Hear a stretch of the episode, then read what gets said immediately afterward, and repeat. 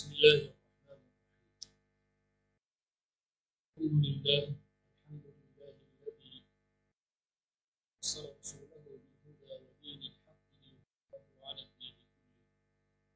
والصلاة والسلام على سيدنا محمد المبعوث رحمة للعالمين وعلى آله أجمعين السلام عليكم.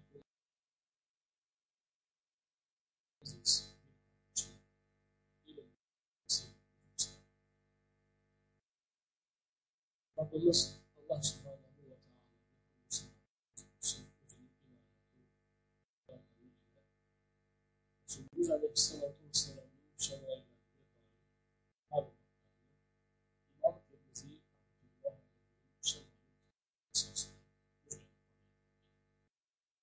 dan kami sahabat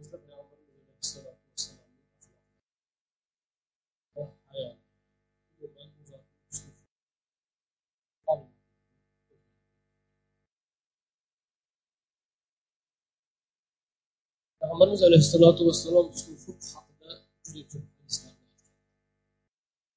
qiyomat kunida sizlarning ichingizda axloqi yaxshingiz menga yaqin bo'ladi deganlar. Yana aytganlarki husni xulq bilan inson tunlari ibodat bilan kunduzlari ro'za bilan ibodatda o'tkazgan kishining maqomini topadi. Yeb ichib yuribdi kechasi uxlab yotibdi. Lekin axloqi go'zal ekan. Kechasi ibodat qilgandan ko'ra kunduzi ro'za kunduzi bilan ro'za tutgandan ko'ra ko'proq maqomlarga darajalarga inson erishishi mumkin ekan. Husni xulq insonning insoniyligini ta'minlovchi xislat hisoblanadi. Husni xulqni har qancha gapirsak gap tugamaydi. Men bitta qisqacha gap bilan bu suhbatga yakun yasab keyingi asosiy mavzuga o'tmoqchiman. Husni xulq deganda biz nimani tushunamiz ko'pincha? Husni xulq deganda ko'pincha biz salom bersa alik olish yaxshi gapirsa yaxshi gapirish a? Iltifot qilsa iltifot qilish shuni husni xulq deymiz. To'g'ri bu ham husni xulqning ichiga kiradi lekin haqiqiy husni xulq u rasuli akram alayhissalotu vassalomning quyidagi hadislarida keladi. Abu hurayra roziyallohu anhu bir kun so'rabdilar yo rasululloh husni xulq nima? Husni xulqni ko'p gapirasiz. Fazilat ko'p ekan juda xo'p ekan. Lekin u o'zi nima u husni xulq? Husni xulqning ta'rifini eshiting. Husni xulqni hamma o'zicha belgilayveradi lekin haqiqiy husni xulqning haqiqiy ta'rifi u rasululloh alayhissalotu vassalomdan vorid bo'lgan. Aytdilarki tasilu man qataak. Sen bilan silai rahmni qarindoshchilik aloqalarini uzgan odam bilan aloqani tiklashing. Husni xulq dedilar senga narsa bermagan odamga sen narsa berishing dedilar. Senga zulm qilgan kishini sen kechirishing dedilar. Husni xulq mana bunaqa bo'ladi. Bermagan sizga narsa so'raganingizda bermagan siz berasiz. Siz bilan qarindoshchilik aloqasini uzib qo'ygan siz ulashga harakat qilasiz. Sizga zulm qilgan. Siz yaxshilik qilasiz. Mana bu husni xulq bo'ladi. U salomga alik olishni hamma eplaydi. Birov sizga bir so'm bersa siz ham ellik so'm qaytarsangiz u husni xulq emas u. U iloji yo'q qilasiz endi odamgarchilik u. Husni xulq bu bermagan odamga berish. Sizga yaxshilik qilmagan odamga yaxshilik qilish. Sizga kerak bo'lsa yomonlik qilgan zulm qilgan odamni kechirish. Siz bilan aloqasini uzgan qarindosh do'st bilan aloqani do'stlikni tiklash. Mana bu husni xulq bo'ladi. Ana rasuli akram alayhissalotu vassalom husni xulqni ana shunday ta'riflaganlar. Husni xulqning darajasi shuning uchun baland. Biz oddiy yaxshimiz tuymisiz bilan u oxiratdagi haligi yuqori daraja u bilan bitmaydi u. U kechasi bilan ibodat qilib kunduzi bilan ro'za tutganni savobini olish oson emas.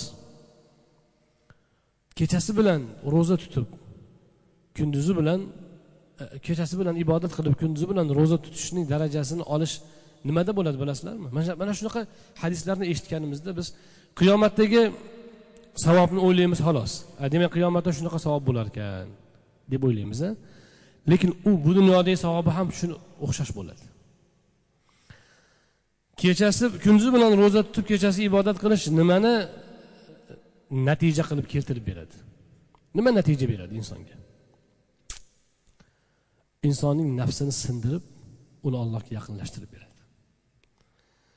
Insonning nafsini egib uni allohga yaqinlashtiradi. Shaytondan uzoqlashtirib allohga yaqinlashtiradi. Mana bu hislatdan u mana shu xislat bilan kecha kechasi ibodat qilish kunduz ro'za tutish ulug' amal. Ya'ni uning natijasi mana shu narsani keltiradi. Yana boshqa savobini allohning o'zi biladi. Lekin asosiy ko'zga ko'ringan natijasi mana shu. Kechasi turib ibodat qilyapmiz lekin qurbat hosil bo'lmayapti. Qalb poklanmayapti. Kunduzi bilan ro'za tutyapmiz gunohdan to'silish bo'lmayapti. Allohga yaqinlashish bo'lmayapti. Qurbat yo'q. Nafs sinmayapti. U amalning bu dunyoda savobi yo'q. Amalning bu dunyodagi savobi bo'lishi kerak. Bu dunyodagi savobi hadislarda kelgandek allohga yaqinlashgandan keyin gunohdan uzoqlashish ro'za tutgandan keyin gunohlardan tiyilish va hokazolar bo'lishi kerak edi. Bo'lmadi. Demak undan natija bo'lmadi. Lekin siz husni xulq bilan xuddi shu darajalarni topishingiz mumkin ekan. Nafs sinishi allohga qurbat hosil qilish qalb taskini ruh pokligi qalb pokligi. Mana bularni siz husni xulq bilan topsangiz bo'ladi. Shuning uchun hadis sharifda rasuli akram alayhissalotu vassalom aytyaptilarki shu husni xulqni o'zi bilan kishi kechalari ibodat. Kunduzlari ro'za bilan yashayotgan odamning maqomiga bu dunyoda ham erishadi. Bu dunyoda ham o'sha fazilatlarga o'sha buyuklikka ega bo'ladi. Va albatta oxiratda ham inshaalloh o'shaning savobiga muyassar bo'ladi.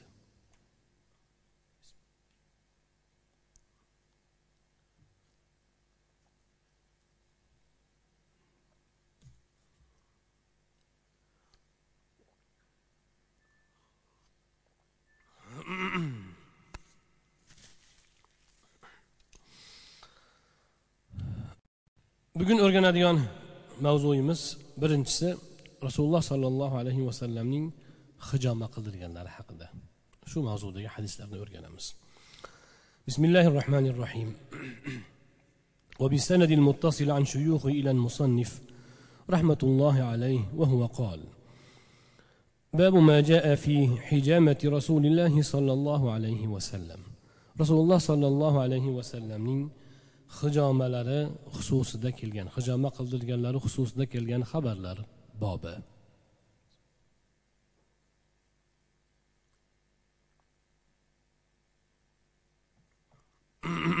hijoma nima degani hijoma tomirlarni kesish fasl katta tomirlarga demak e, nish urib qon oqizish.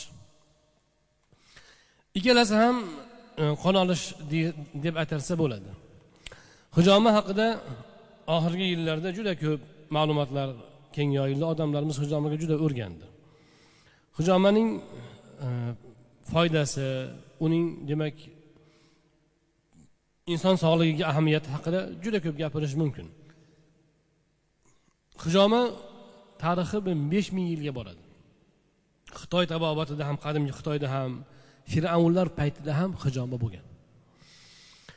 Rasululloh sollallohu alayhi vasallam payg'ambar bo'lganlaridan keyin hayotning har bir jabhasida islohot olib borganlarida shunda shu tabobat haqida ham juda ko'p maslahatlar ko'rsatmalar berganlar va ba'zi ishlarni man qilganlar. Jumladan aytganlarki sahih buxoriyda ham keladi rasuli akram alayhissalotu vassalom aytganlar. Sizlarda shifo bor shifo davolanish usullaringlar uchta narsa bilan davolanasizlar. Sizlarni eng yaxshi davolash usullaringlar uchta.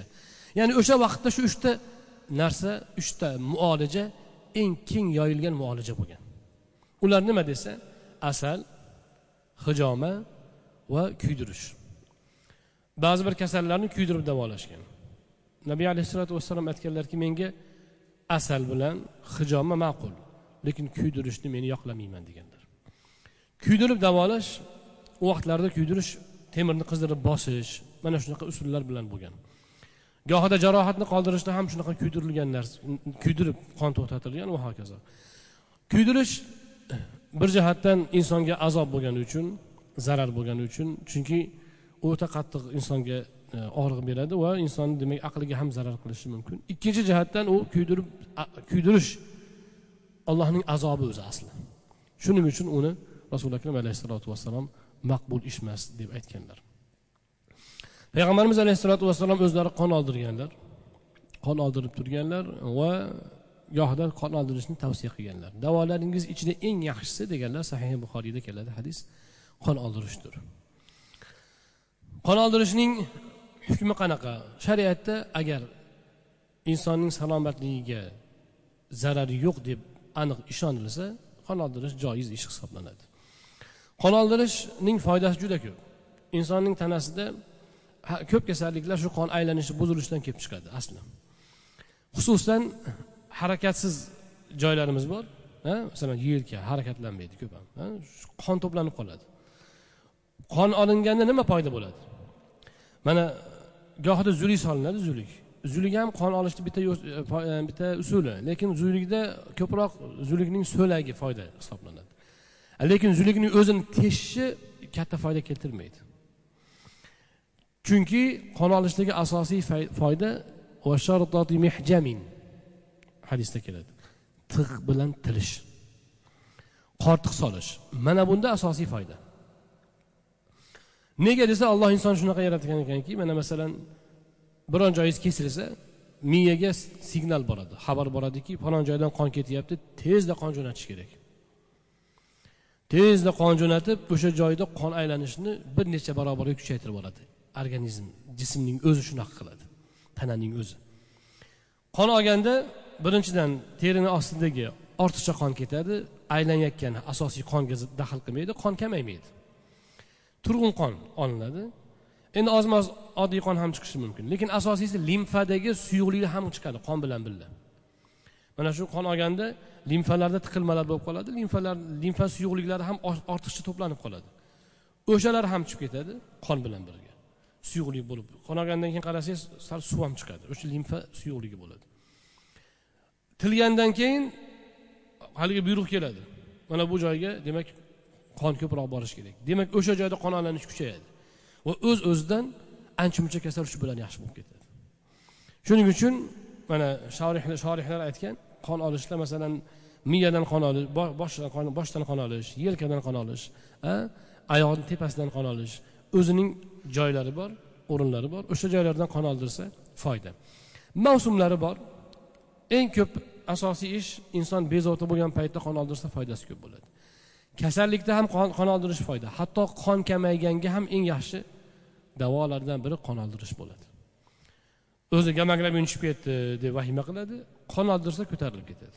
Nega desa eski qonlarda shu gamoglobin tanachalar qon tanachalari kamayib ketar ekan eski qon chiqarib yuborilsa jigar o'z o'zidan yangi qon ishlab chiqaradimi? Uni gamoglobini ko'p bo'ladi.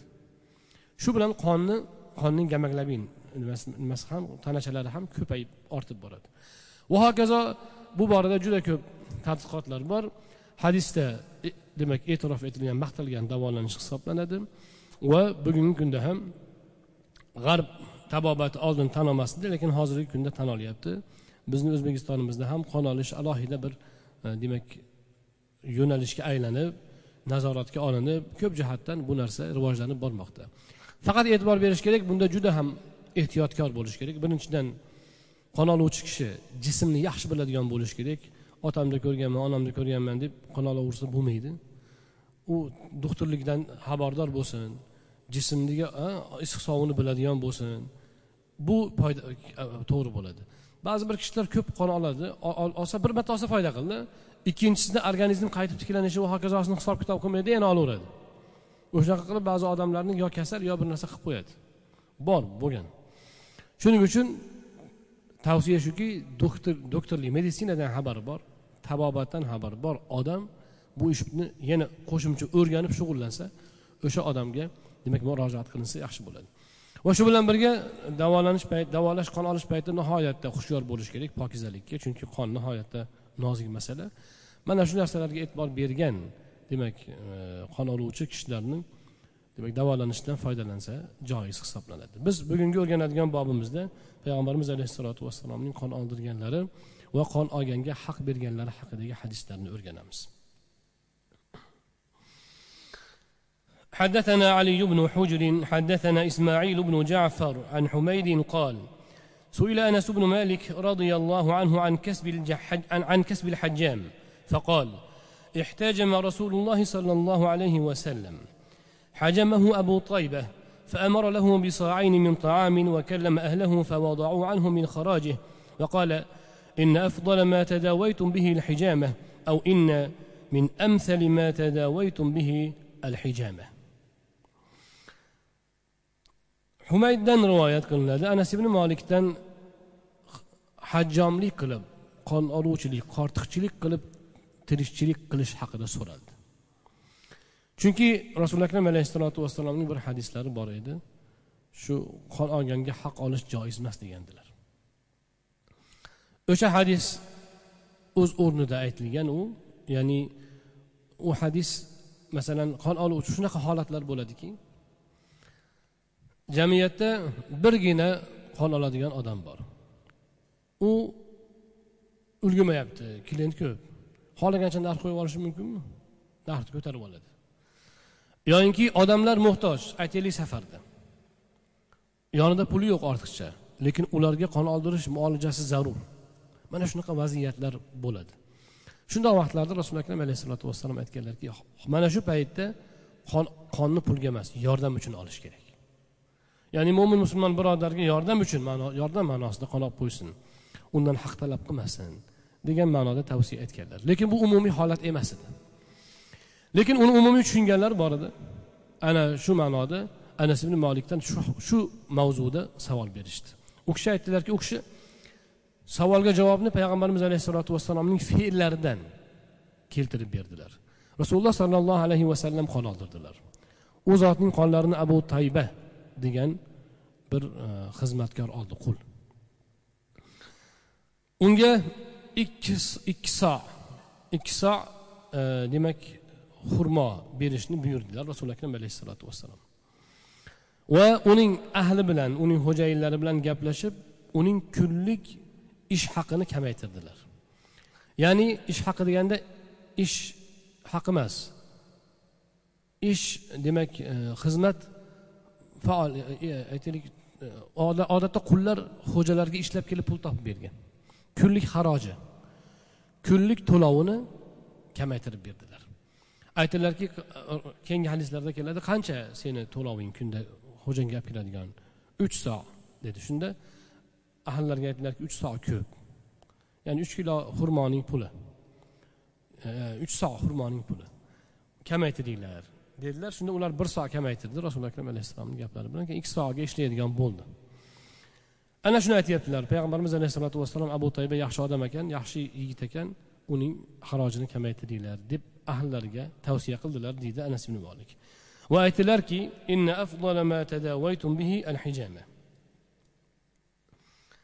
sizlarning eng yaxshi davolanish uslubingiz eng yaxshi muolajangiz hijomadir dedilar. Yana bir ikkinchi rivoyat bu roviyning shakki bilan roviy ikkilanib aytyaptiki yo shunaqa deyildi.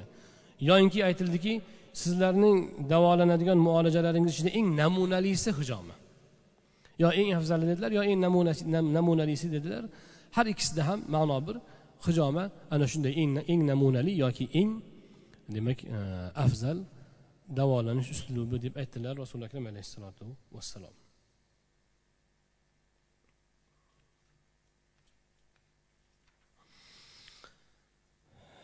حدثنا عمرو بن علي حدثنا أبو داود حدثنا ورقاء, ورقاء ابن عمر عن عبد الأعلى عن أبي جميلة عن علي أن النبي صلى الله عليه وسلم احتجم وأمرني فأعطيت الحجام أجره. علي رضي الله عنه دان رواية قلنا النبي عليه الصلاة والسلام hijoma qildirdilar va menga buyurdilarki men unga u hajjomga qon oluvchiga haqini to'lab qo'ydim deydilar ya'ni bu hadisdan ham qon olgan kishiga haq to'lash xizmat haqi berish joizligi tushuniladi حدثنا هارون بن إسحاق الهمداني حدثنا عبدة عن سفيان الثوري عن جابر عن الشعبي عن ابن عباس قال إن النبي صلى الله عليه وسلم احتجم على الأخدعين وبين الكتفين وأعطى الحجام أجره ولو كان حراما لم يعطه ابن عباس رضي الله عنهما دان روايات قلنا نبي عليه الصلاة والسلام بوينلارنين إكي قان تمردن إكتماندكي كك تمردن قان aldırdılar. Va ikkala kurakni o'rtasidan qon va hajjomga qortiqchiga haqqini berdilar. Ish haqi berdilar. Agar hajjomning pul topishi qilgan xizmati uchun haq olishi harom bo'lganida u zot unga bu haqni bu pulni bermasdilar deydilar ibn abbos roziyallohu anhu mana bu joyda payg'ambarimiz alayhissalotu vassalomning demak e, amallari amallari har bir amallar sahobalar tomonidan qo'l bilan o'rganilganligi tushuniladi. Va anas ibn molik bitta qoidani o'rgatyaptilar. Bu yerda bitta xabar aytyaptilar. Payg'ambarimiz alayhissalotu vassalom e, hajjomga qortiqchiga haq berdilar. Bu bitta hukmni bayoni. Bitta hukmni bayon qilib bitta qoidani aytyaptilar. O'sha odam o'sha xizmatiga agar haq olishi joiz bo'lmasa rasuli akram alayhissalotu vassalom bu ishni qilmasdilar. Nega desa payg'ambar payg'ambar alayhissalotu vassalom hech qachon demak nojoiz qilish ishni makruh ishni ham qilishlari mumkin bo'lmagan. Makruh ish ham payg'ambar alayhissalotu vassalomdan sodir bo'lmagan. Ana shuni mana shu qoidani e, ibn abbos roziyallohu anhu uqtirmoqdalar. Shundan kelib chiqadiki bir narsani halolligini demak halol deb ayt til bilan aytishlar shart emas rasuli akram alayhissalotu vassalom amal bilan ko'rsatsalar ham o'sha halolligini anglatadi. Lekin rasulullohdan boshqaga bu gap o'tmaydi. Birov shu ishni qilsa payg'ambarimiz alayhissalotu vassalomdan boshqa odam shu ishni qilsa bir ishni qilsa uning amali to boshqa dalil bilan quvvatlanmaguncha halol haromni hal qilib bermaydi.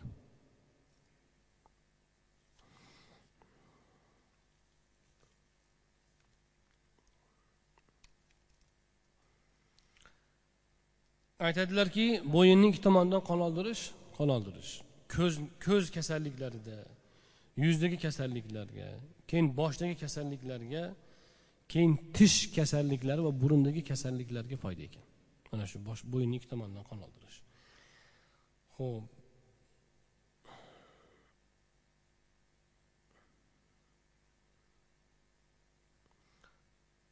bo'yindan oldirsa esa mana orqadan oldirsa unda demak yelkaga foyda va tomoq og'riqlarga foyda hisoblanadi deydilar. Agar yanoqdan oldirsa e, yanoqdan emas o'rtadan mana tomoqni tomoqni tagidan yuzni tomoqni tagidan mana shu tomoqni tepasidan oldirsa bunda halqumdagi e, e, kasalliklarga foyda deydi va tish og'rig'ini qoldiradi deydi. Tish og'rig'ida ham bu foyda qiladi. Ya'ni shamollashlikdan bo'lgan og'riq bo'lsa masalan foyda qilishi mumkin. Boldirlardan qon oldirish husnbuzarlikka foyda. Keyin e, bo'g'inlardagi og'riqlarga foyda va bavosir deb kasalligiga foyda. Ich qotish qabziyat va nima deymiz biz hozir uni? Gemoroy gemoroy kasalliklariga boldirdan qon oldirish foyda. Shuningdek Hmm. orqa qichish kasalligi bo'lsa yoyinki mahov kasalligiga ham boldirdan qon oldirsa foyda qiladi deydilar. Oyoqdan qon oldirish esa oyoqdagi yaralarga foyda qiladi va allergiyaga foyda qiladi deydilar. Shorih bu gaplar shorihni shorihning gaplari hozirgi aytgan gaplarimiz shorihlarning gaplari. Imom bojuriy aytadilar bu gaplarni. Bir hadis keltiribdilar. Nabiy alayhissalotu vassalom aytganlar ho'p qon oldirish yetmishta dardga davo degan ekanlar. Bu hadis endi o'ta zaifu lekin mana shu hadis naql qilinadi. Va qon oldirish foyda foyda emasligi tabobatga bog'liq. Mana shu qon oldirishga doir hadislar bu shar'iy hukm hisoblanmaydi. Bular maslahat hisoblanadi. Va u maslahat sababga bog'liq bo'ladi. Sabab mavjud bo'lsa maslahat to'g'ri tushadi. Sabablar sabab va voqelik boshqacha bo'lsa u maslahat to'g'ri tushmaydi. Masalan isitmani dorisi sovuq suv deganlar. Payg'ambarimiz alayhisalotu vassalom isitma chiqqanda sovuq suv. Muzdek suvga solish muzdek suv quyish. To'g'ri bo'ladimi shu? To'g'ri bo'ladi. Qachon? Qachonki isitma oftob o'tgandan bo'lsa. Mana hozir ham hajga borganda oftob o'tib qolib bemor bo'lib qolsa muzxonaga solib qo'yadi kasalni shundoq muzga solib qo'yadi. Yarim soat bir soat yotib o'ziga keladi. Oldinda unaqa muzxona bo'lmagan lekin muzdek suv bo'lgan. Shuning uchun payg'ambarimiz alayhissalotu vassalom istimaga sovuq suv quyinglar deganlar. Nega desa u yerdagi istimalar odatda oftob o'tgandan bo'lgan. Va shu aynan oftob o'tgandan hosil bo'lgan istimaga bu gap aytilgan. Shamollashdan bo'lgan istimaga bu davoni qilib bo'ladimi? Bo'lmaydi. Chunki sabab voqelik boshqa umuman. Shuning uchun e, tabobat ma'nosida aytilgan rasuli akram alayhissalotu vassalomning tibbi nabaviylari u tabobat bilan hamohang tadbiq qilinadi. Shundoq olib u shariatni qoidasini singan rasululloh aytgan ekanlar shundoq ekan deyilmaydi. Chunki u vahiy bilan emas tajriba va tavsiya bilan aytilgan gaplar hisoblanadi. Mana payg'ambarimiz alayhissalotu vassalomdan bir hadis zikr qilingan ekan. Qon olish yomon kasb degan ekanlar. Qon olish bilan kasb qilish yomon kasb degan ekanlar. Nega bu gapni aytilgan desa faqat shu bilan mashg'ul bo'lib qolmasin. Ya'ni keyin natijasi chatoq bo'lib qoladi. Nima natijasi? Kimni ko'rsa qon olish kerak deyaveradigan bo'lib qoladi. Tirikchilik kerakku qon olish kerak sizdan deyaveradigan bo'lib qolmasin. Shuning uchun boshqa kasb ham qilsin buni yordamchi kasb qilib qilsin degan ma'noda tavsiya aytilgan ekan. Navbatdagi hadis. حدثنا هارون بن إسحاق حدثنا عبدة عن ابن أبي ليلى عن نافع عن ابن عمر أن النبي صلى الله عليه وسلم دعا حجاما فحجمه وسأله كم خراجك فقال ثلاثة آصوع فوضع عنه صاعا وأعطاه أجره.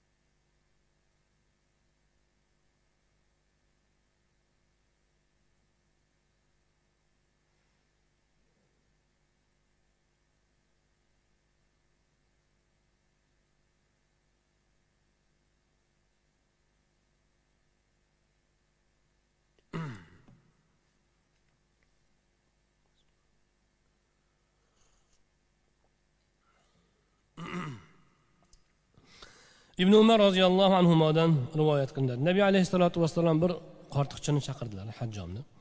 Qon oldirdilar va sening kunlik harojing ya'ni xo'jangga to'laydigan to'loving qancha? dedilar. Ish ish mehnat to'lovi. Uch so dedi. Shunda u zot alayhissalotu vassalom uni bir soga kamaytirtirdilar va unga haqqini to'ladilar. Demak bu bilan payg'ambarimiz alayhissalotu vassalom o'sha vaqtlardagi e, demak quldorchilik davridagi ba'zi bir e, tasarruflarni ham isloh qilgan ekanlar. Quldorlik e, zamonida qullar odatda ishchi bo'lib ishlagan va uning topgani ham xo'jasiga olib kelingan. Topgan puli ham xo'jaga topshirilgan xo'jayinga uning o'zini o'zida moliklik bo'lmagan xizmatkor hisoblangan. Ba'zi bir kishilar mana shu qullarga kunlik haq ham belgilagan. Masalan kuniga sen yotavermaysanku ishlab topasan. Kunda yuz so'm pul topasan ming so'm pul topasan va hokazo. O'sha vaqtlarda mana shu odatga ko'ra uch soat belgilaganda payg'ambarimiz alayhisalotu vassalom bu ko'plik qiladi. Ishlab qiynalmasin deb uni kamaytirtirgan ekanlar. Va bu demak mana o'sha e, demak jamiyatdagi quldor qullarning himoyasi ularning haqqini demak e, himoya qilish huquqini himoya qilish ma'nosida ko'rilgan choralardan biri hisoblanadi. Quldorlik mavzusi alohida mavzu o'sha davr u davrda ham undan keyingi davrlarda ham buning o'ziga yarasha hukmlari bo'lgan kelib chiqish sabablari bo'lgan va bu borada eng e, demak birinchi bo'lib insoniyat tarixida islohotni islom shariati boshlab bergan va o'sha davr oldingi davrlarning taqozosiga ko'ra shariatda qabul qilingan muomala hisoblangan. Bugungi kunga kelib esa quldorchilik yo'q. Butun bashariyat butun insonlar endi urush bo'lsa ham birovni qul qilish yo'q degan kelishuvga kelishgan bmtda bu narsa tasdiqlangan. Hamma musulmon mamlakatlar rahbarlari bunga rozi bo'lgan. Payg'ambarimiz alayhissalotu vassalom aytganlar har bir podshohning ham cho'rin podshohning ham qulning ham ahdi hamma musulmonga barobar deganlar. O'sha vaqtdagi musulmon amirlarning rahbarlarning o'sha kelishuvi demak musulmon xalqlarining kelishuvi hisoblanadi. Shunga ko'ra quldorlik hozir yo'q cho'rlik ham yo'q. Islomda islomdan oldin u quldorlik nihoyatda avjida edi. Islom esa buni demak o'sha davrning taqozosiga ko'ra tartibga solib bergan va qullarni ozod qilish bo'yicha misli ko'rilmagan inqilob yasagan. Va shu bilan birga u faqatgina g'ayri dinlar bilan bo'lgan urushlarda bo'lgan. Musulmon bilan musulmon urushsa qul cho'ri qilish mumkin emas o'lja olish mumkin emas. Masalan sahobalar paytidayoq musulmonlar o'rtasida janglar bo'ldi. Nima bo'ldi? Bir birla musulmon musulmonni qul qilishi cho'ri qilishi mumkin emas deb. Va o'lja olishi mumkin emas. Molim bir biriga harom deb e'tibor e'tibor qilindi. Nega desa chunki ikkala tomon ham shariatga shariati shu mana shu hukmiga bo'ysunadi. Shuning uchun shu hukmni shariat joriy qildi. Lekin dushmanga nisbatan musulmon bo'lmagan xalqqa nisbatan u hukm o'tadimi? O'tmaydi. O'tmaydi. Chunki ular uni qabul qilmaydi. Agar qabul qilsa shariat bajonidil uni qabul buni e'tirof etadi e'tiborga oladi. Boshqalar qabul qilmagani uchun muomalati misl salomga yarasha alik ma'nosida bu demak quldorlik islomda bo'lib kelgan va ular qachonki quldorlikni biz ham to'xtatdik deganda islom biz erta qachon to'xtatmoqchi edik a juda yaxshi deb musulmonlar bunga rozi bo'lganlar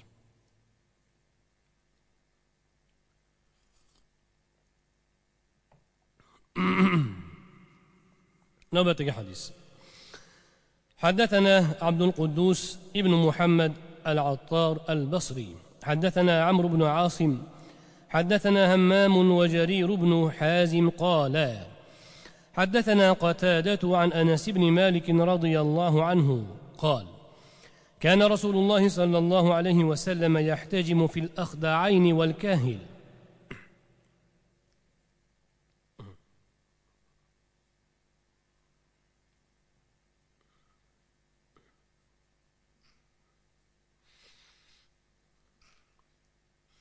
وكان يحتجم لسبع عشرة وتسع عشرة وإحدى وعشرين. صدق رسول الله صلى الله عليه وسلم. واحدة وعشرين شيك شيك. أنس بن مالك رضي الله عنه دان رواية قلنا رسول الله صلى الله عليه وسلم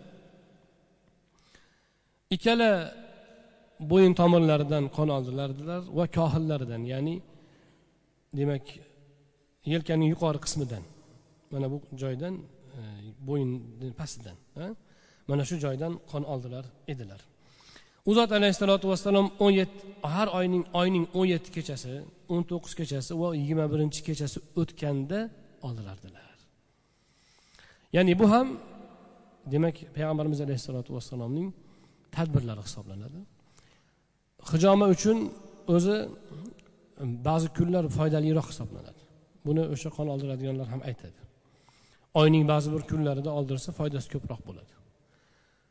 Ba'zi bir kunlarda oldirish yaxshi emas hisoblanadi. Lekin bu ham nisbiy. Masalan bemor rosa og'rib qoldi. Kechasiga kuniga qaralmaydi. Qon oldirsa bo'laveradi. Lekin oddiy haligi oldini olish ma'nosida salomatlikni tiklash ma'nosida kasallikning oldini olish ma'nosida bo'layotgan paytda mana bunga o'xshash qoidalarga rioya qilish yaxshi hisoblanadi. Lekin bu qat'iy emas. Tavsiya ma'nosida. حدثنا إسحاق بن منصور أنبأنا عبد الرزاق عن معمر عن قتادة عن أنس بن مالك أن رسول الله صلى الله عليه وسلم احتجم وهو محرم بملل على ظهر القدم أنس بن مالك رضي الله عنه دان روايات قلنا رسول الله صلى الله عليه وسلم إهرام ذلك بيت ملل ديگن جايدا أيغلرنين يزهسدن qon oldirdilar. Ayolning yuzasidan qon oldirish ham rosa foydali. O'sha mayda qon tomirlardan qon olinadi juda foydasi ko'p bo'ladi. Oyoqdagi uyushish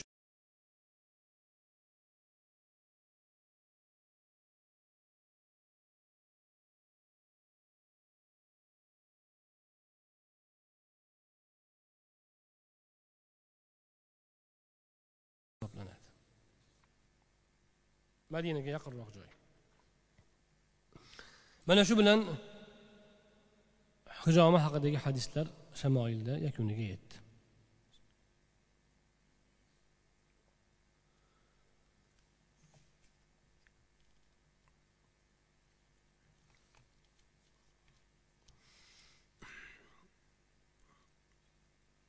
Ba'zi bir hadislarda kelgan ekan endi e, zaif bo'lsada bunaqa mavzuda o'rgansa bo'laveradi. Seshanba chorshanba juma va shanba kunlari qon oldirish yaxshi emas deyilgan ekan. Eng yaxshisi dushanba kuni qon oldirish deyiladi va eng yaxshi payt esa kunduzi qon oldirish deydilar. Va e, orqasidan qon oldirgandan keyin yaqinlik qilmay turish hammom qilmay turish tavsiya qilinadi deydilar shorih qon oldirish o'ta to'q qoringa ham yaxshi emas o'ta och qoringa ham yaxshi emas. Balki ovqat yeyilgandan keyin biroz ovqat hazm bo'lgan lekin juda ochqab ketmagan holatda qon oldirish tavsiya qilinadi deydilar. Ulamolarimiz mana shunaqa tabobatga ham juda usta bo'lgan. Ibn mojadan rivoyat qilinadi. Nabiy alayhissalotu vassalom aytgan ekanlarki qon oldirish yoddosh odamning yoddoshligini oqil odamning aqlini ziyoda qiladi degan ekanlar. Ya'ni zehnga ham foydasi bor ekan. Ayniqsa mana shu erkaklar erkak kishilar qon oldirib tursa yaxshi bo'ladi. Ayollarga qon oldirish zarurmi zarur emasmi o'zi ularda o'zi shundoq ham e, qon chiqimi borku degan ma'noda savol tug'ilsa buni mutaxassislar aytadilarki u odatdagi qon e, qon u salomatlikka foydasi yo'q hisoblanadi. U faqat shu bachadondagi e, holat xolos. Shuning uchun u qon oldirish boshqa masala. Shuning uchun aytadilarki ayollar ham vaqti vaqti bilan qon oldirib tursa maqsadga muvofiq bo'ladi deydilar. Yosh o'tgan sari qon oldirib turish yaxshi hisoblanadi. Keyin ziyofat ko'p odamlar ham qon oldirib turishi yaxshi hisoblanadi. Endi mana masalan ko'p vaqt oldirmagan odam olti oyda bir ikki uch marta oldirsa undan keyin bir yilda bir oldirsa ham bo'ladi. Asosiysi qonning quvvati e, jismoniy quvvat. Mana shundan kelib chiqib mutaxassis bilan gaplashib mutaxassisning tavsiyasi bilan qilish kerak va zaruratan qilish lozim bekordan bekor e, demak yaxshi emas navbatdagi bob yana ham bir go'zal bob nabiy alayhissalotu vassalomning ismlari haqida بسم الله الرحمن الرحيم باب ما جاء في أسماء رسول الله صلى الله عليه وسلم رسول الله صلى الله عليه وسلم ismlari haqida kelgan xabarlar bobi ism deganda endi odatda sifat ham tushuniladi bir kishiga bir ism qo'yiladi ism beriladi u sifatdan kelib chiqib bo'ladi. Masalan o'zi ismi mahmud keyin polvonligini ko'rib pahlavon deb yuborilgan. Pahlavon mahmud bo'lib ketadi misol uchun. Hm? Yana shunga o'xshash ba'zi bir kishilar alloma bo'ladi alloma unga ism bo'lib ketadi keyin keyin. Siz alloma aytdi shayx masalan. Bizda shayx desa hazrat shunday bo'ladi ismga aylanib ketadi borib borib sifatlar ham ismga aylanishi bor. Payg'ambarimiz alayhissalotu vassalom insoniyat tarixida eng ismi ko'p inson hisoblanadilar. Nega desa eng sifati yaxshi sifati ko'p inson nabiy alayhissalotu vassalom bo'lganlar. İmom suyutiy alohida kitob yozganlar. Al bahjatu saniya fil asmai nabaviyya al bahjatu saniya fil asmai nabaviyya degan kitob yozganlar va shu kitobda payg'ambarimiz alayhissalotu vassalomga besh yuzta ismni keltirganlar. Nabiy alayhissalotu vassalomga besh yuzta ism sifat keltirganlar. Buni ali qoriy uni e, ixchamlashtirib muxtasar qilib to'qson to'qqizta ismni saqlab qolganlar. Allohning to'qson to'qqizta ismiga muqobil ravishda. U kishi ham bu borada alohida kitob yozganlar. Izlanish natijasida ko'p narsa chiqib qoladi. Bugun bitta kitob topib oldim bitta kitob. Bitta kitob payg'ambarimiz alayhissalotu vassalomning kitoblari haqida kitob ekan ya'ni rasuli akram alayhissalotu vassalomning ismlari haqidagi kitoblarga bag'ishlangan kitob. Hmm. bitta kichkinagina risola ellik betcha risolaning mavzusi rasulullohning ismlari haqida yozilgan kitoblar. Kitob nomi keltiriladi muallif keltiriladi qisqacha kitob bilan tanishtirib ketadi. Ana shunaqa alohida kitobga jamlasa bo'ladigan darajada payg'ambarimiz alayhissalotu vassalomning ismlari borasida asarlar yozilgan. Mana bundan biz ulamolarimiz payg'ambarimiz alayhissalomning siyratlariga qanchalar qattiq e'tibor berganini anglasak bo'ladi. Ismlari haqida alohida qator qator kitoblar yozilyapti. Lekin biz bugun e, rasululloh akram alayhissalotu vassalomning ismlarini bittasini yo ikkitasini bilamiz. Uchinchisini so'rasa to'xtalib qolamiz. To'g'rimi? Ahmad muhammad deymiz yanachi desa mustafa deymiz. Va hokazo kam juda xullas lekin oldingi ulamolarimiz demak bu borada ham peshqadam bo'lgan. Payg'ambarimiz alayhissalotu vassalomning ismlarini bu yerda biz o'rganadigan ismlarni rasuli akram alayhissalotu vassalom o'zlari aytganlar. Endi payg'ambarimiz alayhissalotu vassalomga u kitoblarda keltirilgan ismlarning hammasi ham rasulullohni o'zlaridan vorid bo'lmagan. Sahobalar aytgan sodiqul masduq masalan hazrat abu hurayra roziyallohu anhu ko'p ishlatadilar.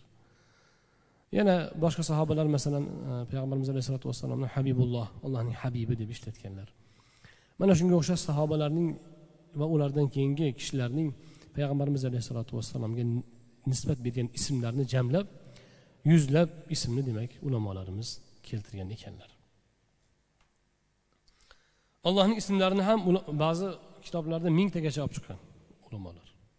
To'qson to'qqizta ism u allohning eng mashhur ismlari. Va bitta hadisda kelgani u. O'sha to'qson to'qqizta allohning ismi bitta hadisda kelgan e, ismlar. Qur'onda ba'zi bir ismlar bor u hadisda yo'q.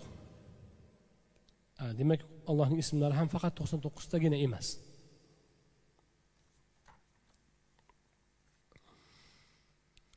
Ismlarning ko'pligi bir jihatdan o'sha ism beriluvchi kishining fazilatini ko'pligini anglatadi.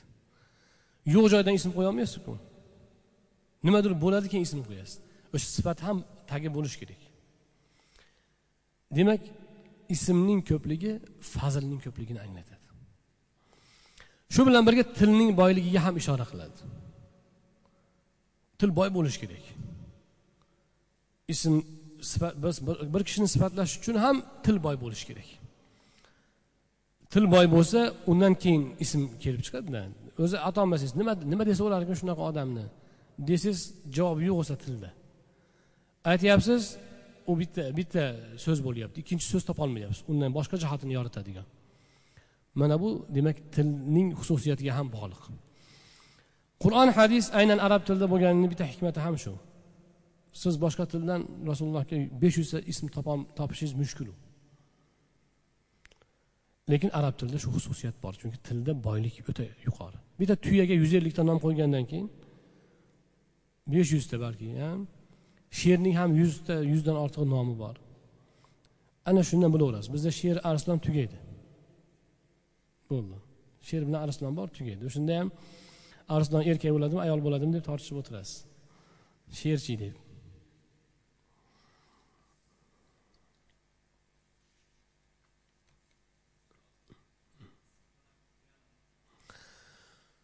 Ism o'ziga berilgan nom. Shaxsning o'ziga bevosita berilgan nom. Kunya uning bolasiga nisbatan berilgan nom kunya bo'ladi. Abu muhammad muhammadning otasi falonchining onasi umu muhammad deb bersa. Endi kunyani ikkinchi ko'chma ma'noda beradigani bor. U ko'chma ma'noda ota hisoblanadi ona hisoblanadi. Qachon? Bir narsaga o'ta bog'liq bo'lsa. Misol uchun abu rayhon. U kishini rayhon degan o'g'li bo'lmagan. Lekin rayhonni ko'p ishlatganidan rayhonni yaxshi ko'rib doim qulog'iga qistirib qistirib yurar ekan abu rayhon beruni ismlari ahmad bo'lgan.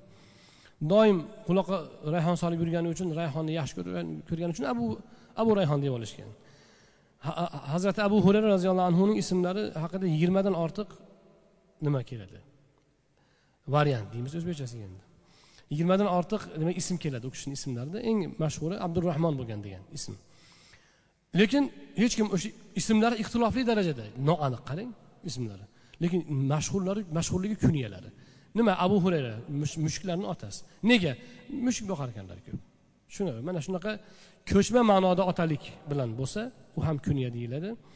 Lekin u haqiqiy ma'nodagi kunya emas. U ko'chma ma'nodagi kunya hisoblanadi.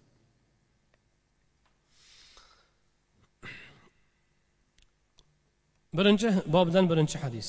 بسم الله الرحمن الرحيم. حدثنا سعيد بن عبد الرحمن المخزومي وغير واحد قالوا حدثنا سفيان عن الزهري عن محمد بن جبير بن مطعم عن أبيه قال قال رسول الله صلى الله عليه وسلم إن لي أسماء أن أنا محمد وأنا أحمد وأنا الماحي الذي يمحو الله بي الكفر وأنا الحاشر الذي يحشر الناس على قدمي وأنا العاقب والعاقب الذي ليس بعده نبي. محمد بن جبير بن مطعم أتسدن يعني يعني جبير بن مطعم رضي الله عنه دان رواية قلت لر رسول الله صلى الله عليه وسلم دد لر من بركان شيء اسم بر من محمد من؟ أحمد من؟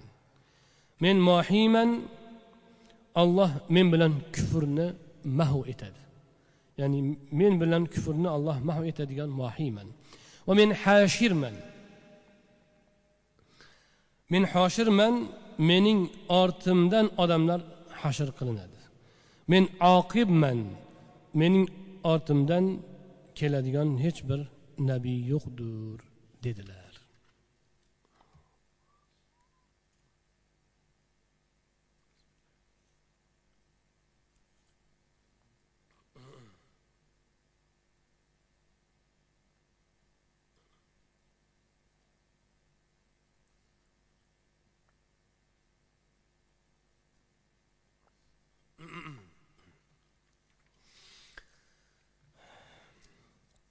Muhammad payg'ambarimiz alayhissalotu vassalomning eng mashhur ismlari muhammad doim maqtaladigan tinimsiz maqtaladigan va maqtovga chindan sazovor. Ko'p maqtaladigan degan zot degan degan ma'noni anglatadi. Payg'ambarimiz alayhissalotu vassalomga bu ism qo'yilganda arablarda bu ism ma'lum bo'lmagan. Shuning uchun abu tolibdan so'rashgan qayerdan topding bu ismni?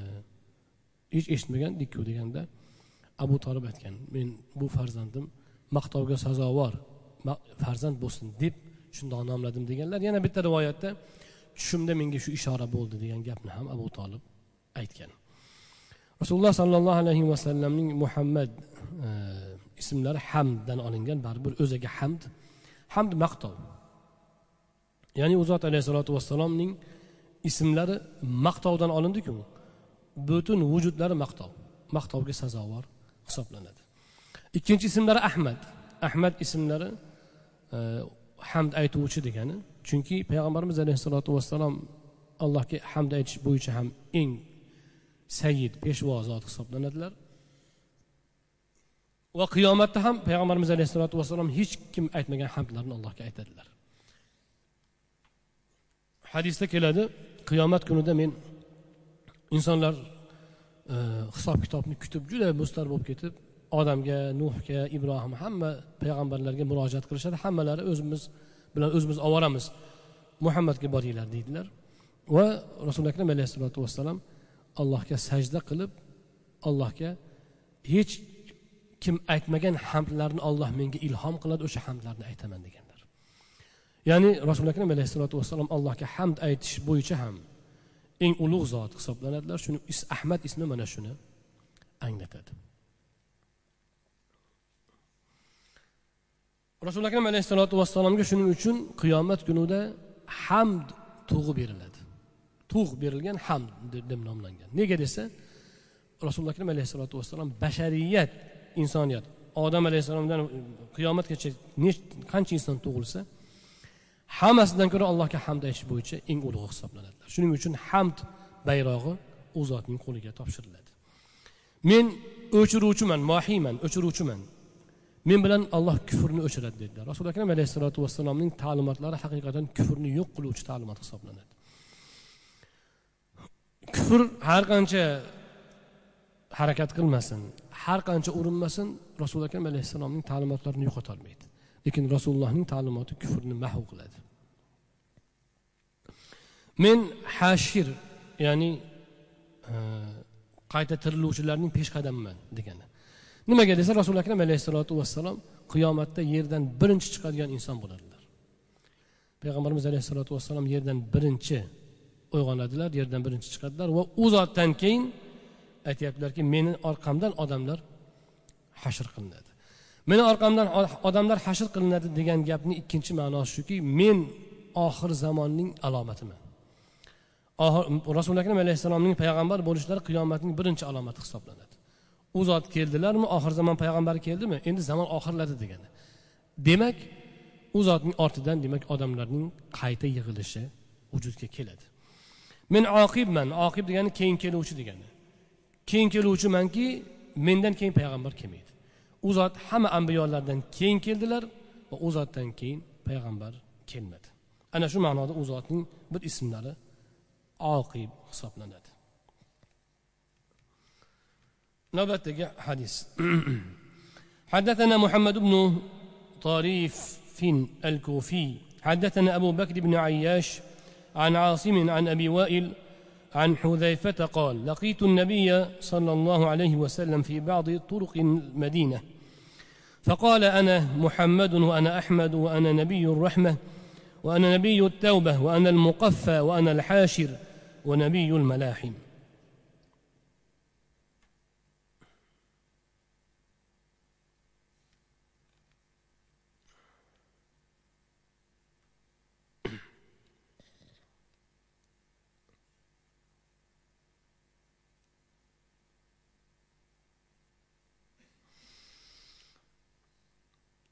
Huzayfa roziyallohu anhudan rivoyat qilinadi. Men nabiy alayhissalotu vassalomni madina ko'chalaridan birida uchratib qoldim. U zot alayhissalotu vassalom men muhammadman men ahmadman men rahmat nabiysiman men tavba nabiysiman men muqaffoman men hoshirman men malohim nabiysiman dedilar.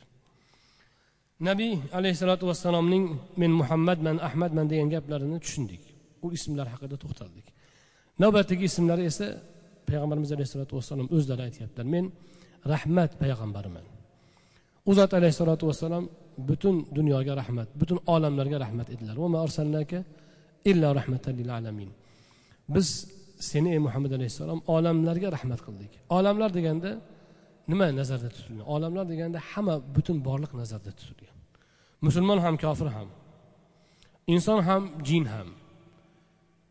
Jamodotu hayvonotu parrandayu darranda hatto farishtalarga ham rasuli akram alayhissalotu vassalomning payg'ambarliklari rahmat hisoblanadi. U zot alayhissalotu vassalomning mo'minlarga rahmatliklari tushunarli. Agar u zotning rahmatlari bo'lmasa mo'minlar bu dunyoda ham saodatga erisholmasdilar oxiratda ham erta qachon saodat bo'lmas edi kofirlarga ham rahmat ekanliklari shuki nabiy alayhissalotu vassalomning ta'limotlari mana butun insoniyatni uyg'otdi. Va bugungi kundagi hatto xalqaro qonunlarning juda ko'pi islom ta'limotidan rasuli akram alayhissalotu vassalomning ta'limotlaridan olingan. Payg'ambarimiz alayhissalotu vassalom urush qoidalarini birinchi bo'lib joriy qilib tadbiq qildilar. Va urushda ham zulmga nohaqlikka yo'l qo'ymadi yo'l qo'ymadilar. Mana shuni oldini oldilar. Hatto u kishining urushga qatnashishlari ham rahmat bo'ldi. Urushning oldin qonun qoidasi yo'q edi. Kim g'olib bo'lsa gap shuniki edi. Xohlaganini qilardi xohlagan ishini qilardi. Hozirgacha ham shu ahvolku. Urush qoidalari qonunlari degan gap birinchi bo'lib musulmonlarda yuzaga chiqqan. Oldinlari kim yutsa g'olib bo'lsa gap shuniki bo'lgan hech qonun qoida degan gap bo'lmagan. Agar narigi tomonga muruvvat qilsa uning muruvvati hisoblangan. Lekin xohlagan ishini qilishga haqli hisoblangan. Islomda esa unday emas. Urush qoidalari joriy qilingan.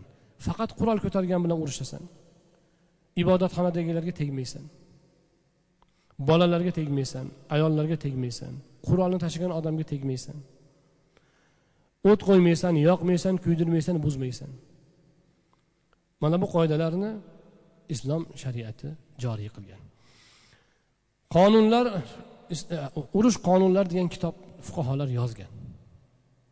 Muhammad fotih vaqtida ulamolarga muftiylarga fuqarolarga u kishi topshiriq bergan. Ulamolar urush qonunlari degan kitob alohida fiqhiy asar yozganlar.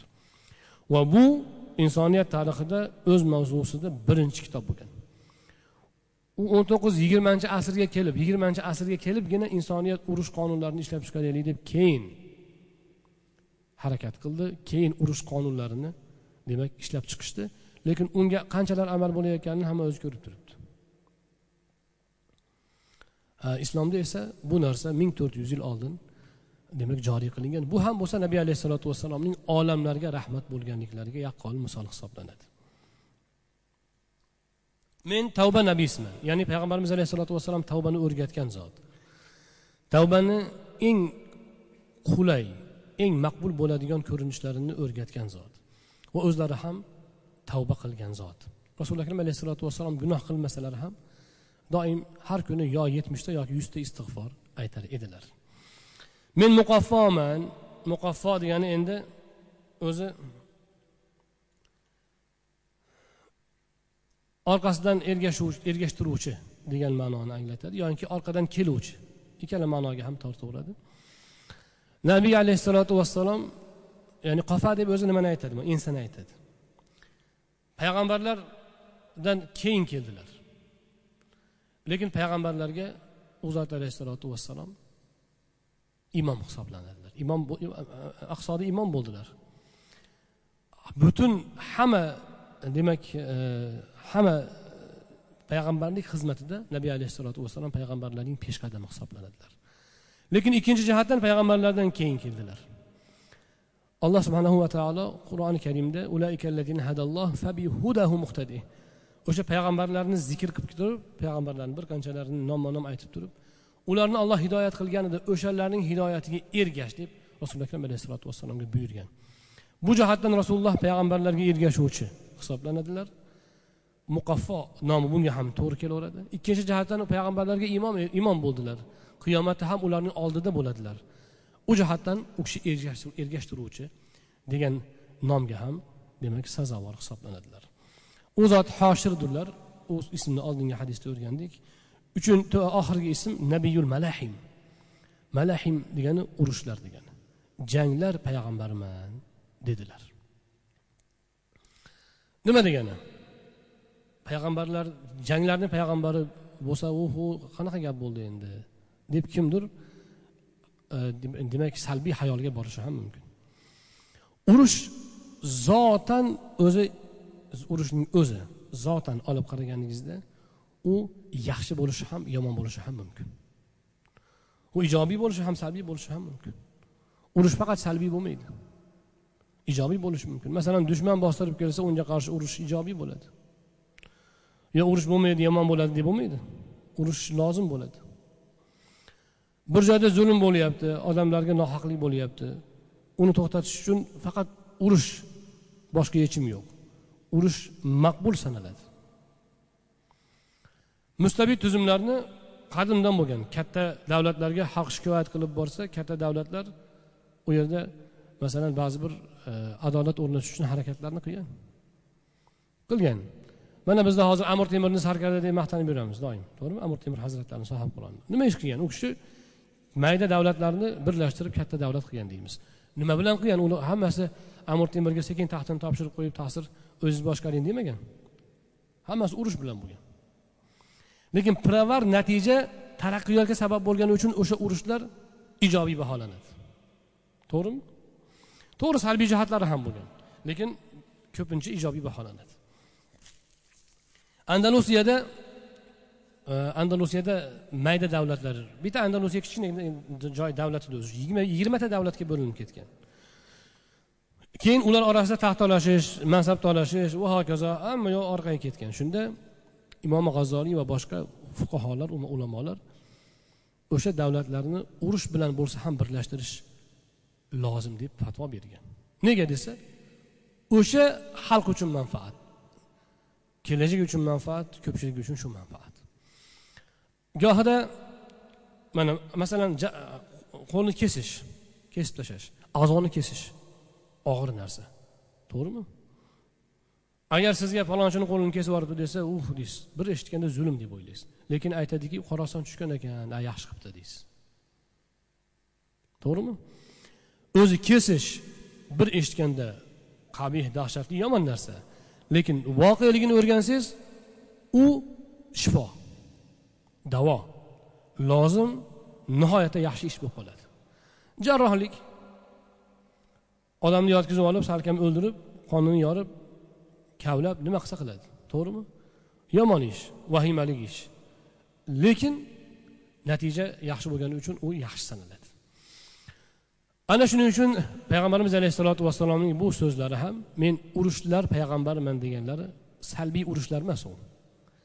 Balki u insoniyat uchun rahmat bo'lgan ana shunday futuhotlar va islohotlarga bosh bo'lganlarini aytmoqdalar. Shu bilan birga bu yerda ikkinchi bir ma'no bor. Odatda payg'ambarlarning aksari deyarli to'qson to'qqiz foizi faqat da'vatchi bo'lgan. Ularda siyosiy rahbarlik bo'lmagan. Illo dovud alayhissalom sulaymon alayhissalomda bo'lgan. Payg'ambarlar ularda hukm ham bo'lgan. Hukm qo'liga o'tgan payg'ambarlar urush qilgan. Dovud alayhissalom ham jang qilgan sulaymon alayhissalom ham jang qilgan. Nega? Chunki siyosat shuni taqozo qiladi. Men o'qituvchilik qilib yursam bir umr men hech ham urushga ehtiyojim yo'q. Lekin men qo'mondon bo'lib qolsam endi urushaman endi men. Qo'mondon bo'lgandan keyin u urushga majbur bo'lasiz harbiy sohada siz faoliyat yuritasiz. Payg'ambarimiz alayhissalotu vassalom boshqa payg'ambarlardan farqli jihatlarini aytyaptilar. Aksar payg'ambarlarda ular faqat da'vatchi bo'lgan ularda siyosiy rahbarlik bo'lmagan shuning uchun ularda urushishga ehtiyoj bo'lmagan urush degan narsa umuman bo'lmagan. Lekin payg'ambarimiz alayhissalomning payg'ambarliklari mukammal payg'ambarligidir. Bu boshqaruvni ham o'z ichiga olgan siyosiy boshqaruvni ham o'z ichiga olgan shuning uchun u kishining hayotlarida urush ham o'rin oldi. Lekin faqat urushdan iborat emas. Ba'zilar shunaqa e, e, ta'bir qilib shunaqa e, demak bo'rttirib ko'rsatishga urinishadi. Yo u jihatdan yo bu jihatdan yo rasulullohni qoralamoqchi bo'lib bo'rttirishga urinadi shu jihatni yoinki o'zi jangari kalla kesar o'zining xunrezligini oqlash uchun payg'ambarimiz alayhissalotu vassalomni jangovar harakatlarini aytaylik. Bo'rttirib ko'rsatishga harakat qiladi. Aslida u rasuli akram alayhissalotu vassalomning davlat rahbari sifatida olib borgan faoliyatlari hisoblanadi. Qo'mondon sifatida olib borgan faoliyatlar hisoblanadi. Muallimlik imomlik ma'nosidagi faoliyatlari bu ta'lim tarbiyadan iborat. Lekin rahbar bo'lgandan keyin gohida hamma rahbar ham gohida urush qilishga majbur bo'ladi bu tabiiy narsa. Masalan masalan bir kishi davlat rahbari bo'ldi. Davlat rahbari urush taqozosi bo'lib urush qildi. Kim uni qoralaydi? Hech kim qoralamaydi. Davlat rahbari bo'lgandan keyin shundoq bo'lishi mumkin. Nabiy alayhissalotu vassalomning siyosiy rahbarlikda ham faoliyat yuritganlari boshqa payg'ambarlardan farqli ravishda urushga ham demak aralashishlarini taqozo qilgan. Va bu ham rahmat bo'lgan. Agar payg'ambarimiz alayhissalotu vassalom hayotlarida urush bo'lmasa musulmonlar urush odoblari ahkomlarini amaliy amaliy namunasini qayerda topar edi? Yo'q hech ham bo'lmasdi. Payg'ambarimiz alayhissalom esa qiyomatgacha bashariyatga rahmat namuna qilib yuborilganlar. Hayotning biror jabhasida u kishi namuna ko'rsatmasa shu joy noqis bo'lishi aniq edi. Ba'zi payg'ambarlar uylanmagan. Uylanmagan. Iso alayhissalom uylanmagan yahyo alayhissalom uylanmagan. Ular oila haqida nasihat aytmagan emas aytgan. Lekin shaxsiy namuna ko'rsatib bermagan. Bu ular uchun nuqson emas. Chunki ularning shariati shunga shunga qaratilgan shu kifoya qilgan. Chunki o'zi vaqtincha bo'lgan. Lekin oxirgi payg'ambar muhammad alayhissalotu vassalomning payg'ambarliklari bunaqa kamchiliklar bilan bo'lishi mumkin emasdi. Ana shuning uchun u zot alayhissalotu vassalom mana shu jihatdan menga xususiyat berildi. Boshqa ko'p payg'ambarlarga berilmagan xususiyat berildi. Shu jihatdan men urushlar payg'ambari bo'ldim ya'ni urushadigan payg'ambar bo'ldim. Boshqa payg'ambarlar to'qson to'qqiz foizda yoki to'qson foizda bu narsa bo'lmagan edi deydilar. Bu ham ularning demak hayot tarzlaridan hayotdagi vazifalardan kelib chiqqan holat hisoblanadi.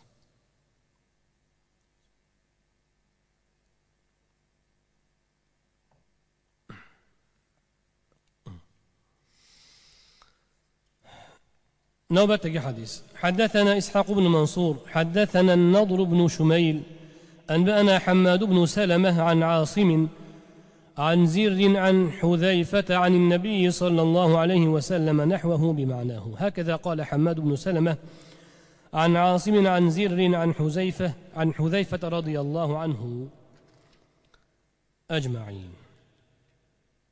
رضي الله عنهم أجمعين. Oxirgi hadis oldingi hadisning boshqa sanadi ekan. Bu yerda hadisni boshqa roviylar ham rivoyat qilganini aytyaptilar. Bu yerda men mana shu rivoyatlardan kelib chiqib bu yerdagi roviylardan qisqacha xabar berib qo'ysam maqsadga muvofiq chunki bizga tanish ismlar bor. U ham bo'lsa osim. Biz qaysi qiroatda o'qiymiz? Osim qiroatda o'qiymiz. Imomi osimning ikkita ustozi bo'lgan. Qiroatda. Abu abdurahmon as sulamiy bo'lgan ikkinchisi zir ibn hubaysh bo'lgan. Hadisning biz birinchi matnini keltirganimizda roviylar sanadida imomi osim e, abu voildan abu voil huzayfa roziyallohu anhudan rivoyat qilgan ekan. Ikkinchi sanatda esa imomi osim o'sha qiroatdagi ustoz zir ibn hubayshdan rivoyat qilibdi zir ibn hubaysh o'zi sahobalar tengqur tobein bo'lgan yoshi katta bo'lgan johiliyat paytida tug'ilgan bo'lgan. Ya'ni islom kelmay turib tug'ilgan u odam. Lekin payg'ambarimiz alayhissalotu vassalomni ko'rmagani uchun e, sahoba hisoblanmaydi tobein hisoblanadi. Lekin katta tobeinlar bilan e, katta sahobalardan ta'lim olib kichkina sahobalar bilan tengqur bo'lgan. O'rta yosh sahobalar bilan tengqur katta sahobalardan ta'lim olgan tobeinlarning kattalaridan hisoblanadi. O'zlari ham uzoq umr ko'rganlar. Zir ibn hubaysh nihoyatda buyuk olim bo'lganlar. U kishi mana huzayfa roziyallohu anhudan rivoyat qilgan ekan ushbu hadisni. Imom osim abu voil orqali ham huzayfa roziyallohu anhudan rivoyat qilyapti. Zir ibn hubaysh qiroatdagi ustozi orqali ham demak e, hadisni huzayfa roziyallohu anhudan rivoyat qilyapti.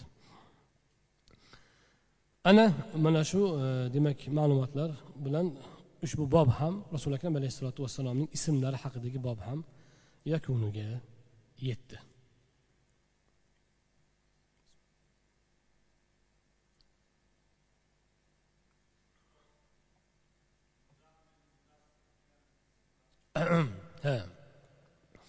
rasuli akram alayhissalotu vassalomning muddassir muzammil ham ismlarimi deb savol beryaptilar shundoq qur'on mana shu xitoblar bilan rasulullohga xitob qilgan. Ya ayyuhal muddassir ey burkanib olgan. Ya ayhal muzammil ey o'ranib olgan deb xitob qilgan.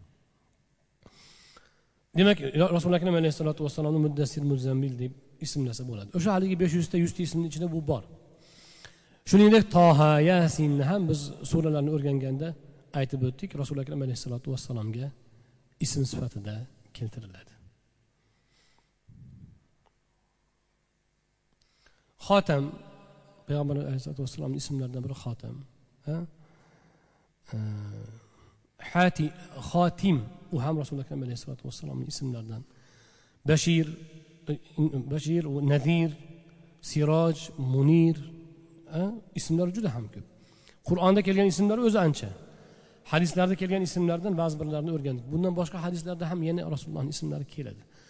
Undan tashqari sahobalar aytgan ismlar bor. Undan tashqari rasuli akram alayhissalotu vassalomning vasflaridan kelib chiqib aytilgan ismlar bor.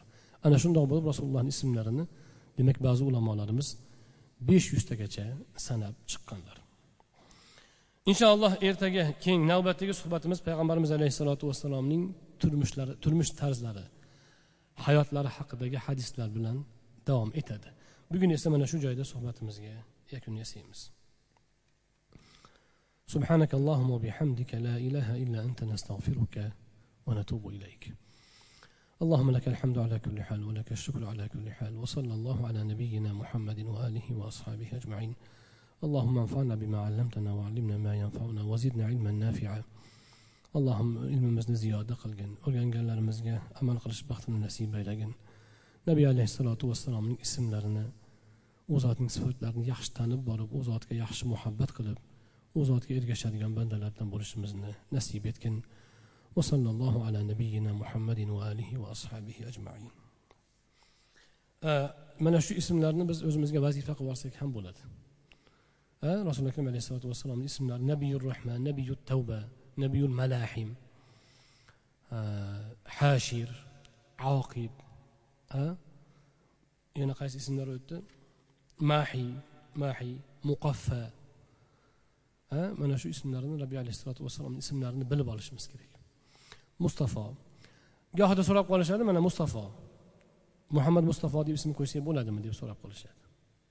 Yaqinda ham so'radi. Muhammad mustafo deb ism qo'ysak bo'ladimi? Muhammad mustafo deb ism qo'ymagan yaxshi. Muhammad e, o'zi yetadi yoki mustafoni o'zini qo'ysin. Muhammad mustafo desa bevosita rasuli akram alayhissalotu vassalom zehnda paydo. Zehnda rasululloh akram alayhissalom hozir bo'ladi. Ya'ni zehningizga rasululloh keladi. Demak salovat aytish kerak bo'ladi. Muhammad mustafo desa nima deysiz sallallohu alayhi vasallam deysiz bevosita. To'g'rimi? Bittasi o'g'liga ism qo'ygan ekan. Abu bakr siddiq. Umar odil deb ikkita o'g'liga ism qo'yibdida. Keyin men aytgandim uchinchisini muhammad mustafo qo'yaversin endi deb hazillashuvdik. Muhammad mustafo deb ism qo'ysa demak rasuli akram alayhissalotu vassalom bevosita zehnga keladi salovat aytish kerak bo'ladi. Bu demak odam odatda salovat aytmaydiyu ismini aytadi o'g'lini aytganda hech qachon ismini ismini aytganda salovat aytmaydi. Shuning uchun muhammad mustafo deb ism qo'yilmaydi. Yo muhammad qo'ysin yo mustafo qo'ysin muhammad o'zi yetadi yoki mustafoni qo'ysa bo'ladi. Muhammad ismini o'zini qo'ysa bo'ladimi? Mana bugun ham bir kishi so'radi. Ba'zilar aytadi yo muhammadjon qilinglar muhammadxon qilinglar. Yoyinki muhammad yusuf muhammad amin muhammad sodiq qo'shimchasi bo'lsin. O'zini qo'ymanglar degan gapni aytadi. Bu odob yuzasidan. Nega desa o'sha bolani siz muhammad ismi qo'ygandan keyin uni siz bilmasdan so'kib yuborishingiz mumkin. Qattiq koyib yuborishingiz mumkin. Ey muhammad bo'lmay o'l yuborishingiz mumkin astag'firulloh. Masalan shu vaqtlarda go'yo tinglovchi yoki o'zingiz qalbingizda payg'ambarimiz alayhissalotu vassalomga nisbatan beodoblik yuzaga kelib qoladi. Agar ismni hurmatini joyiga qo'yib o'sha farzandning ismini joyiga qo'yib tura olishga ko'z yetmasa o'sha oilada mayli qo'shimcha qo'ysa ma'qul bo'ladi. Agar unday emas bu ismni hurmatini ham joyiga qo'yishga inshaalloh ularni salohiyati ilmi bilimi malakasi yetarli bo'lsa muhammad degan ismni o'zini qo'yishda karohiyat yo'q. Tarixda muhammad ismli ulamolar juda ko'p o'tgan. Mana chokardizda qabristoni bor imom moturudiy dafn qilingan qabriston. Shu joyda ismida yoki otasini ismida muhammad bor odamlargina agar ulamo bo'lsa keyin qo'yilgan. U ham faqih bo'lish sharti bilan qo'yilgan. Ana shunaqa ulamolar faqat muhammad yoki otasini ismida muhammad bor va o'zi faqih bo'lsagina shu joyga qo'yilgan. Demak muhammad ismi juda ko'p qo'yilgan. Hozir ham butun musulmon ummati muhammad ismini ko'p qo'yadi. Va eng ko'p qo'yilayotgan ism muhammad deb ism qo'ysa bo'ladi.